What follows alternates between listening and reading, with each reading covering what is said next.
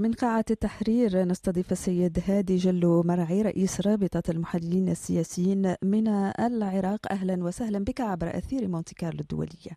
أهلا وسهلا. سيد هادي يعاني العراق من تلوث بيئي واضح لمياه نهري دجلة والفرات. تضاف إليه أزمة جفاف حادة تضرب البلاد. ما هي مسببات هذا التلوث؟ العراق يمتلك أكثر من يعني نهري دجلة والفرات. هنالك نهر أيضا يقطع مسافة طويلة شرق العراق من حدود السليمانية وهو نهر ديالة الذي يسمى سيروان داخل إقليم كردستان. وعندما يدخل المناطق العربية في محافظة ديالة يسمى نهر ديالة وهو نهر يعني عريق يمتد عمره لآلاف من السنين ونشأت عليه حضارات وهو أيضا يتعرض إلى تلوث كبير للأسف تلقى فيه يعني حتى المياه الآسنة ومياه المجاري ومياه الفضلات المستشفيات. وكذلك نهر دجلة. هنالك تلوث كبير في نهر دجلة وفي نهر الفرات وهذا الأمر يرتبط بالمناطق الحضرية السكانية. وكذلك كما قلت فضلات السكان والبيوت والمصانع والمعامل والمستشفيات. وأمور أخرى للأسف. حتى النفايات تلقى أحيانا في هذين النهرين بالرغم من أن هنالك محاولات وجهود تبذل من حين لآخر. ما المقترحات التي طرحها المختصون في الشأن البيئي لتقليل أثر التلوث في مياه الأنهر؟ نعم هنالك إجراءات من للحد من هذه الظاهرة وهي منع المستشفيات والمعامل من إلقاء فضلاتها في الأنهر وكذلك تجديد الرقابة البيئية من خلال تفعيل دور وزارة البيئة، لدينا وزارة يعني شيء غير معقول أن هنالك وزارة تسمى وزارة البيئة مصدر الحياة في العراق وهو المياه يلوث.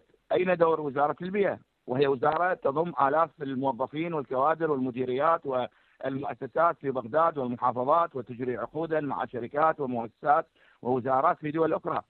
لا يوجد دور حقيقي لهذه الوزارة للأسف في معالجة التلوث. أيضا الحكومة العراقية تحتاج إلى إجراءات رادعة من خلال تفعيل الدور الأمني. في منع المتجاوزين على الأنهار والذين يقومون بأعمال البعض قد لا يشعر بها أصلا. يعني هنالك أشكال وصور مختلفة لهذا التلوث ولهذه الطريقة في رمي الفضلات. يعني يجب اتخاذ قرارات صادمة وصارمة ضد من يقوم برمي الفضلات. أيضا نحن بحاجة إلى محطات لتطهير المياه يعني مجاري الأنهار. يجب أن تكون قربها محطات لترشيح المياه. وفصلها عن الملوثات مثلا مياه المجاري التي تلقى في الأنهار. تحتاج إلى محطات تقوم بعزل الفضلات وفقط السماح للمياه بعد ترشيحها أن تصل إلى الأنهار. نحن في الواقع لا نمتلك مثل هذه العوامل. نحن نعاني عجزا في ذلك ونحن بحاجة إلى ثورة تقنية من أجل الحد من ظاهرة رمي النفايات أو الفضلات في كل أشكالها في تلك الأنهار للأسف. السيد هادي المحكمة الاتحادية العراقية تعمق الخلافات بين الحزبين الرئيسيين في كردستان العراق الحزب الديمقراطي الكردستاني وحزب الاتحاد الوطني الكردستاني بين رافض لقراراتها ومرحب بها بشأن انتخابات الإقليم ورواتب موظفيه كيف يمكن فهم هذا التباين؟ نعم الحزب الديمقراطي الكردستاني بزعامة السيد مسعود البرزاني في أربيل وحكومة إقليم كردستان في أربيل لهم موقف مختلف في الواقع من قرارات المحكمة الاتحادية ويريان أن هذه القرارات قد تعمق الأزمة السياسية بين بغداد وأربيل. في حين أن الحزب الاتحاد الوطني الكردستاني في السليمانية هو أقرب إلى بغداد وإلى التحالف التقليدي بين القوى الشيعية الأساسية وإيران والجماعات الكردية في السليمانية. لكن عموما هذه القرارات قد تنعكس على واقع العلاقة بين الحكومة الاتحادية وحكومة إقليم كردستان وقد تعمق الخلاف بالرغم من أن هنالك تفاهم كبير بين حكومة السيد السوداني وحكومة السيد البرزاني في الإقليم.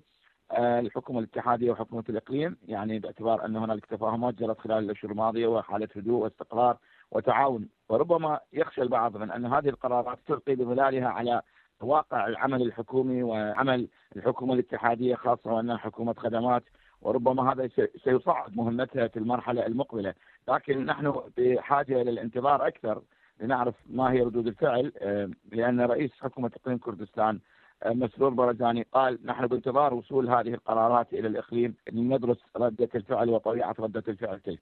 السيد هادي جلو مرعي رئيس رابطة المحللين السياسيين كنت معنا من العراق شكرا جزيلا لك.